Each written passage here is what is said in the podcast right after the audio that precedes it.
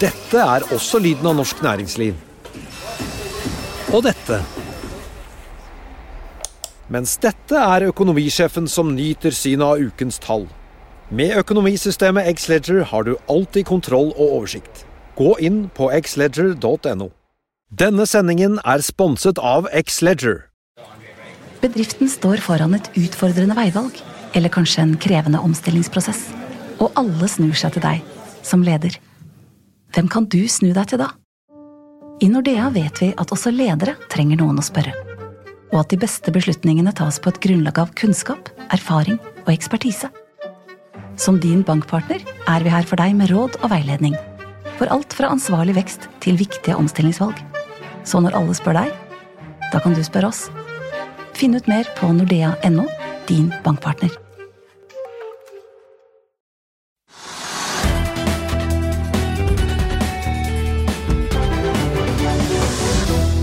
Velkommen til Økonominyhetene mandag 22.11. I dag skal vi snakke med konsernsjef Sigve Bekke i Telenor, som er i Bangkok. For han har nemlig annonsert at eh, man nå er enige med CP Group om en fusjon av de to virksomhetene deres i Thailand.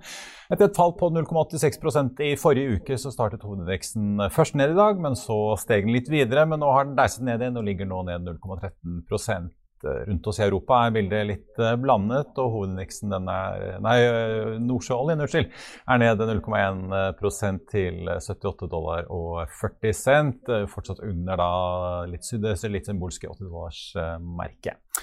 På vinnerlisten i dag finner vi aksjer som Rex Silicon, Kahoot, Wow, Norwegian og Nordic Nanovictor, mens taperlisten er preget av selskaper som Photocure, Pexip, Gaming Innovation Group, Sats og Ultimo Vax. Rex Silicon fortsetter for så vidt eh, dermed også oppturen sin etter eh, forrige ukes nyhet om at Kjell Inge Røkke får med koreansk Hanwang Group med på eiersiden i silisiumprodusenten tar også med at eh, Jerome Powell nå er gjenvalgt, eller blir gjenvalgt som USAs sentralbanksjef i fire nye år. Det melder eh, flere nyhetsbyråer, CNBC og eh, Bloomberg. Den andre potensielle kandidaten som det ble snakket om, Lael Brainard, som også sitter i sentralbankstyret, er foreslått som vice sentralbanksjef. Jerome Powell ble utnevnt under president Donald Trump, men kom inn i sentralbankstyret opprinnelig under Obama og har relativt god tverrpolitisk støtte. Det hvite hus har gitt Powell ros for å ha fått landet gjennom en krevende periode under og etter pandemien. Og gir han samtidig samtidig oppgave å eh, beskytte innhentingen i økonomien fra, fra at inflasjonen løper løpsk. Styret i Havyard Group har i dag besluttet å foreslå å dele ut et ekstraordinært utbytte av, i form av aksjer i selskapets datterselskap Havgroup. Havyard-aksjen skjøt opp over 20% før det. Nå er innført eh, børspause i aksjen. Kjell Inge Røkkes Aker Carbon Capture har gått som en kule på børsen eh, ikke bare de siste ukene, men egentlig hele år, og har steget eh, hele 85,1 Nå eh, trekker imidlertid Paretos energianalytiker Synne Westman i brekket. Hun sier sitat vi mener man skal ta en pust i bakken. Hun gir flere grunner til at hun nå nedgraderer anbefalingen til hold i et intervju med Finansavisen, som du kan lese på fa.no. Aksjen i Aker Carbon Capture ser imidlertid ikke ut til å bry seg nevneverdig om Westmans nedgradering, og den fortsetter opp et par prosent i dag. Aksjen som imidlertid stiger aller mest, er Havila Shipping, som har vært opp 19,4% Nå har den faktisk bikket og er opp over 20% så vidt. Fredag la selskapet frem kvartalstall som ikke falt i god jord, og aksjen falt hele 23,9% Men nå er det altså en kraftig innhenting på gang. Da skal vi snakke om Telenor, for etter at de fredag meldte om en mulig sammenslåing mellom den thailandske mobilvirksomheten sin Dtac og CP Groups mobilselskap True, så gikk det ikke lang tid før en ny melding kom. I morges eh, meldte nemlig Telenor og CP Group at de er enige om en fusjon. Telenor eh, steg 2,16% fredag og 1,6% til i dag. Det er eh, totalt 5,2 kroner av de 8 kronene som Sparebank1 Markets analytiker Petter Kongsli mener at denne fusjonen vil være verdt Eh, for Telenor-aksjen. Litt eh, tidligere i dag tok vi en prat med konsernsjef Sigve Brekke i Telenor, eh, som altså er i Bangkok, om rasjonalet bak den fusjonen og veien videre i Asia. Og som dere vil høre, så planlegger han å sitte med ca. en tredjedel av eierskapet i det nye selskapet i Thailand, og åpne for at Pakistan er det neste landet som kan bli konsolidert i Asia, samtidig som skjebnen til Myanmar fortsatt er i det blå.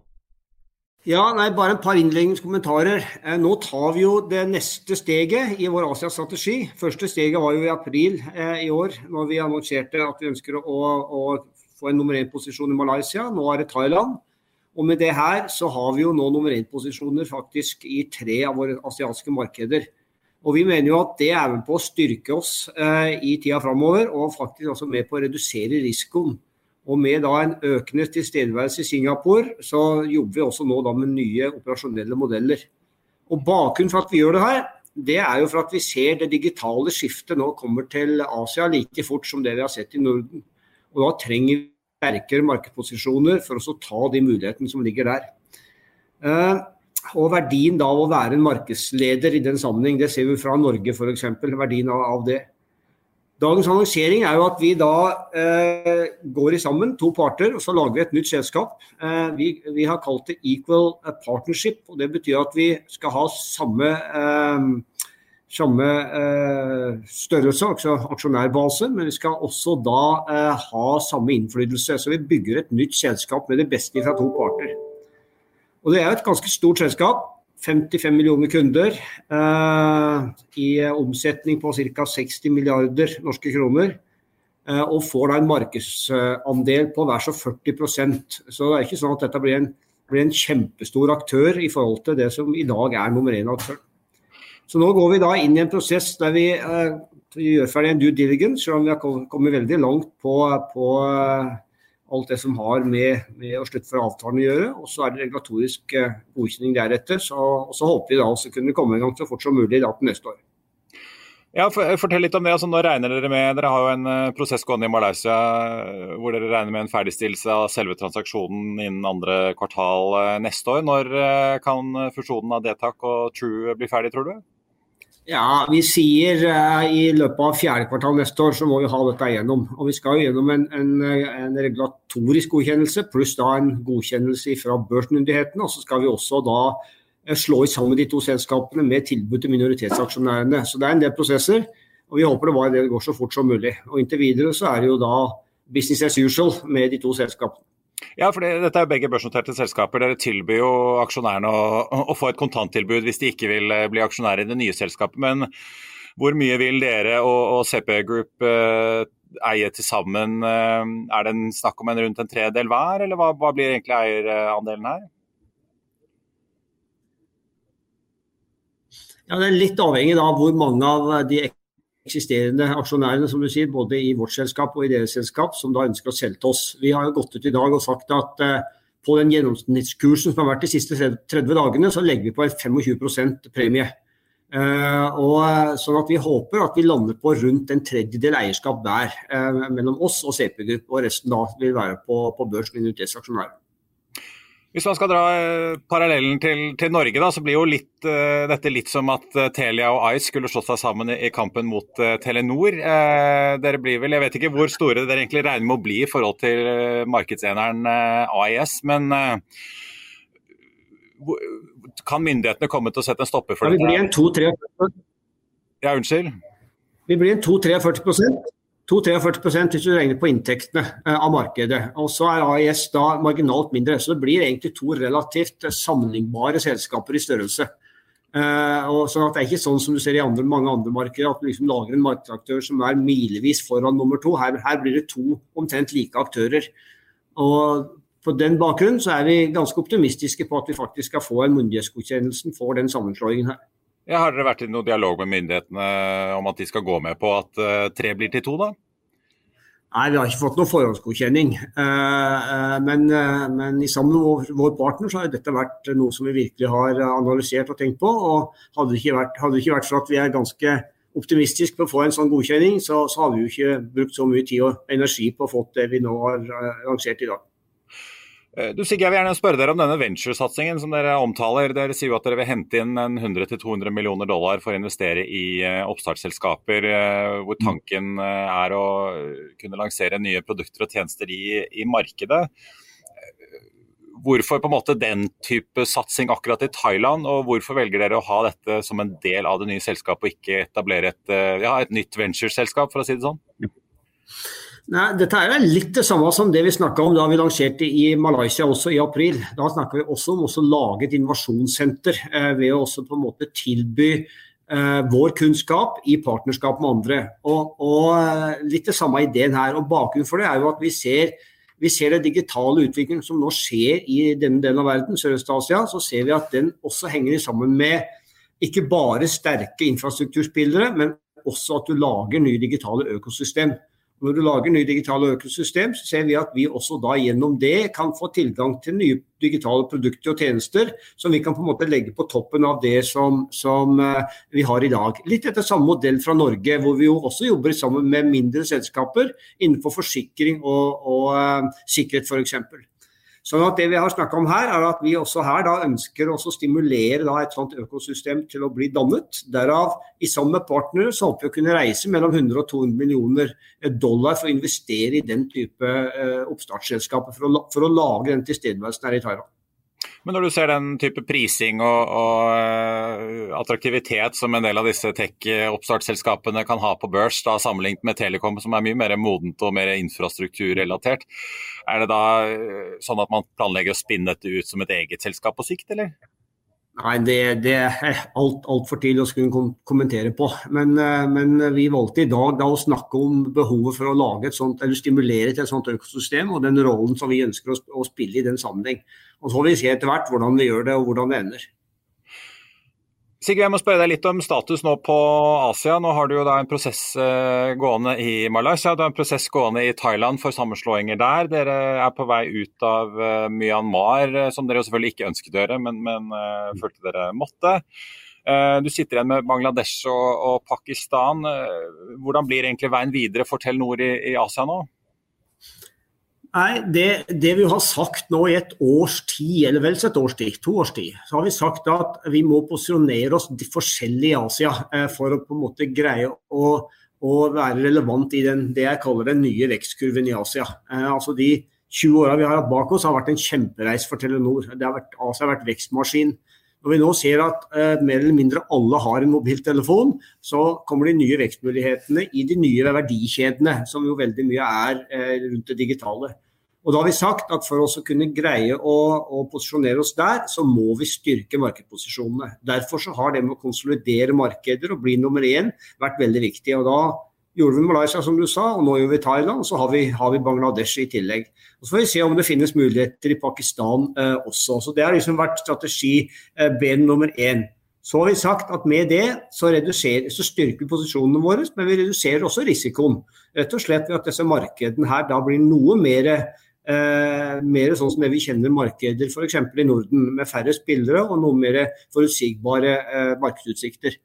Så har vi sagt også at da må vi jobbe annerledes. altså Vi må utvikle nye operasjonelle modeller. og Derfor har vi på en måte styrka den huben vi har i Singapore.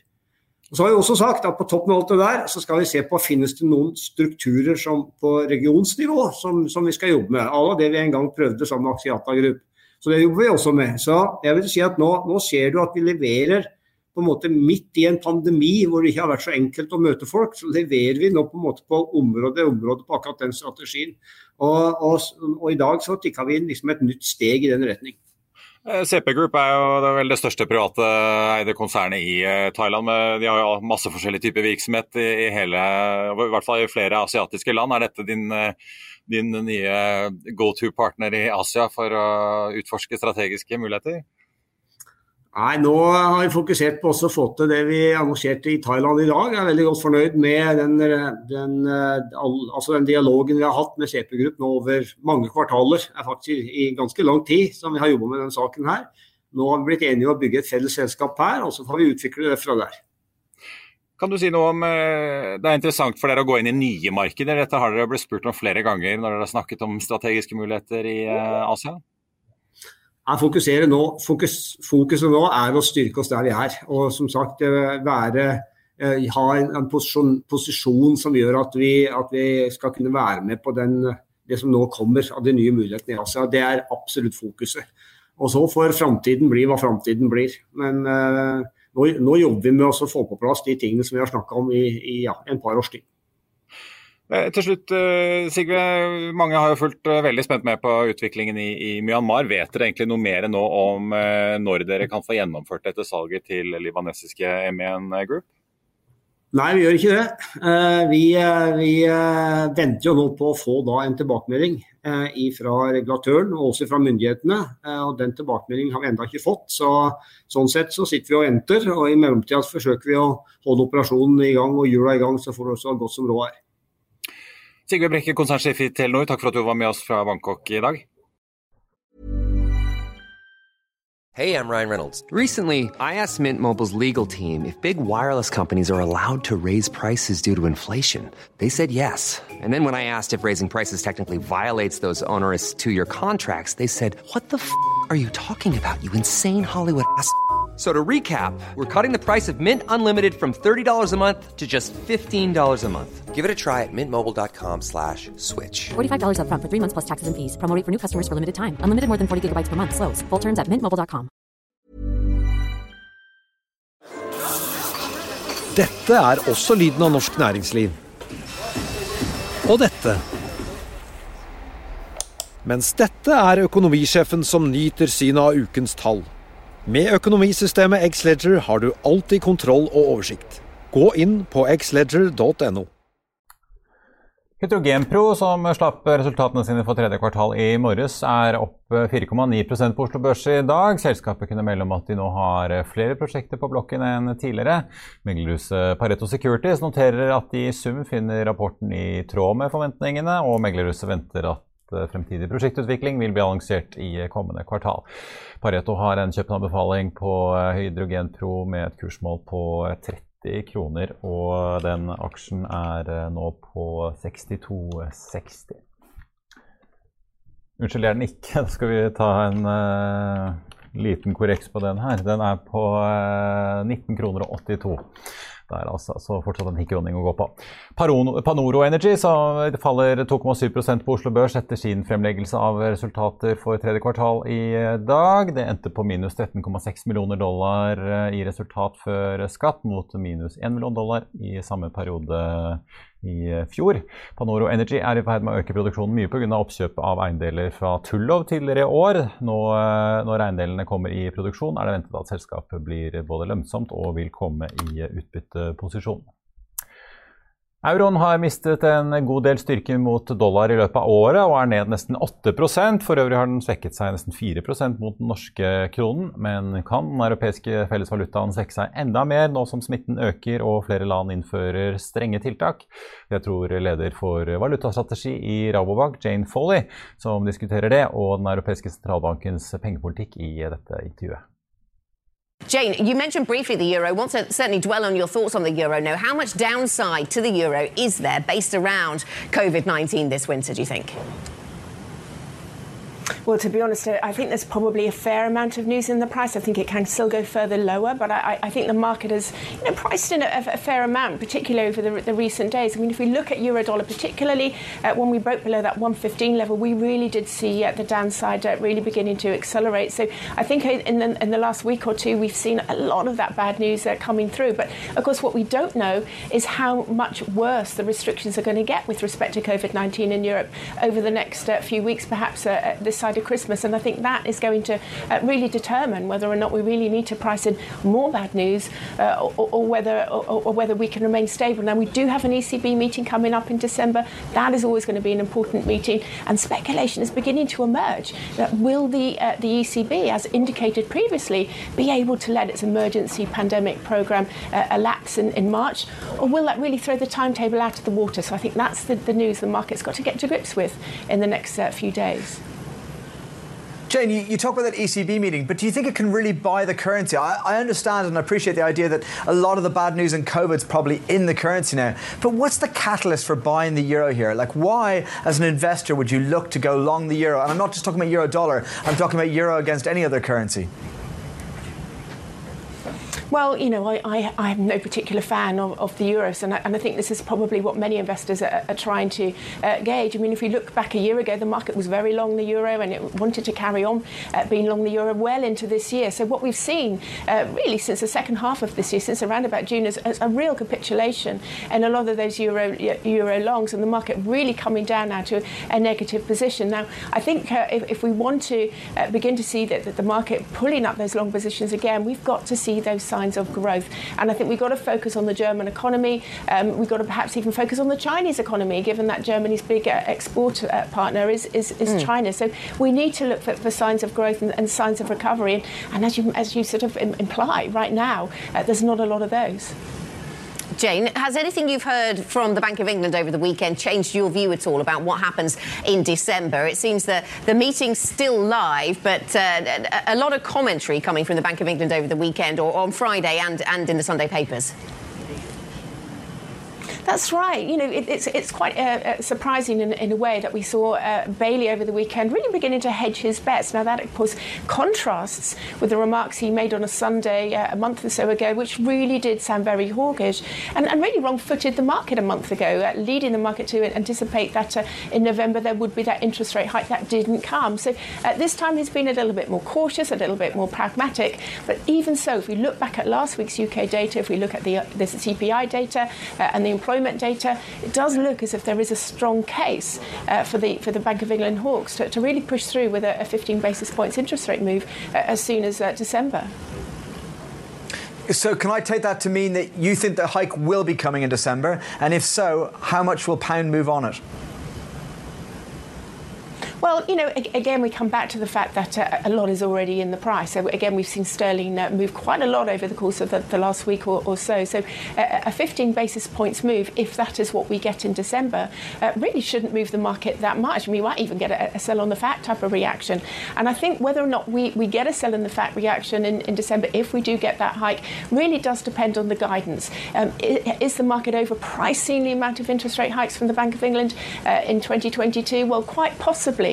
And if the guidance begins to push back a little bit on that, or if the economic data begins to push back on some of that, well, well sterling could, could, could lose some, a little bit of ground into the end of the year, even if they do hike interest rates.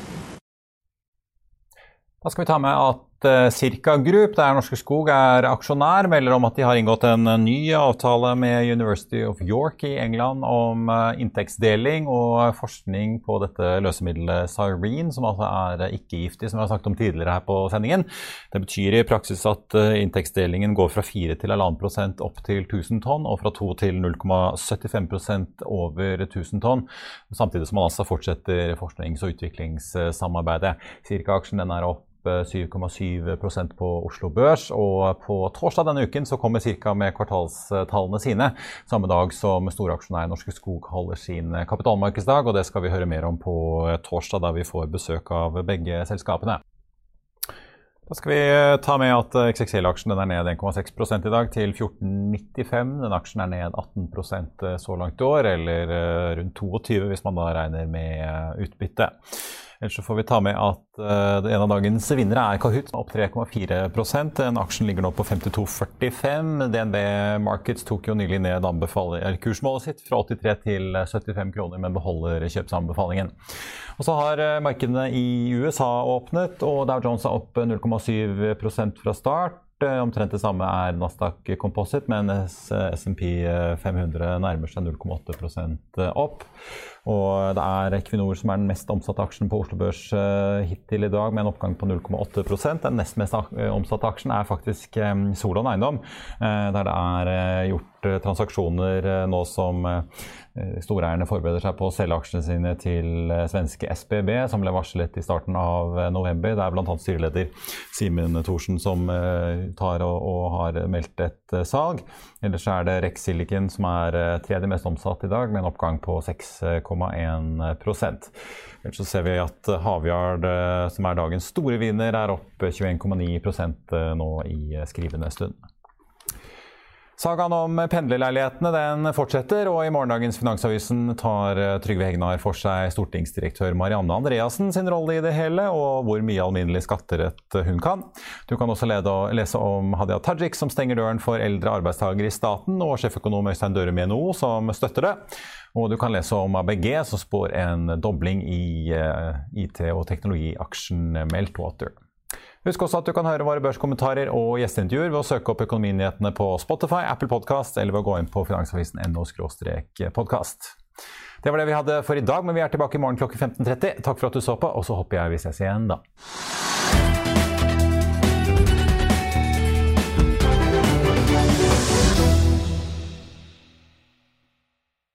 Denne sendingen er sponset av X-Leger. ACAST powers the world's best podcasts. Here's a show that we recommend. Hi, I'm Jesse Cruikshank. Jesse Cruikshank. I host the number one comedy podcast called Phone a Friend. Girl, let's phone a friend. Not only do I break down the biggest stories in pop culture with guests like Dan Levy and members of InSync, I do it with my own personal boy band singing jingles throughout. Because it's my show. It's your show, girl. New episodes of Phone a Friend Yeah. drop Thursdays wherever you get your podcasts. So work it, girl. Yeah, work it. Okay, that's enough. ACAST helps creators launch, grow, and monetize their podcasts everywhere. ACAST.com. Økonominyhetene er en podkast fra Finansavisen. Programledere er Marius Lorentzen, Stein Ove Haugen og Benedikte Storm Bamvik. Produsenter er Lars Brenden Skram og Bashar Johar. Og ansvarlig redaktør er Trygve Hegnar.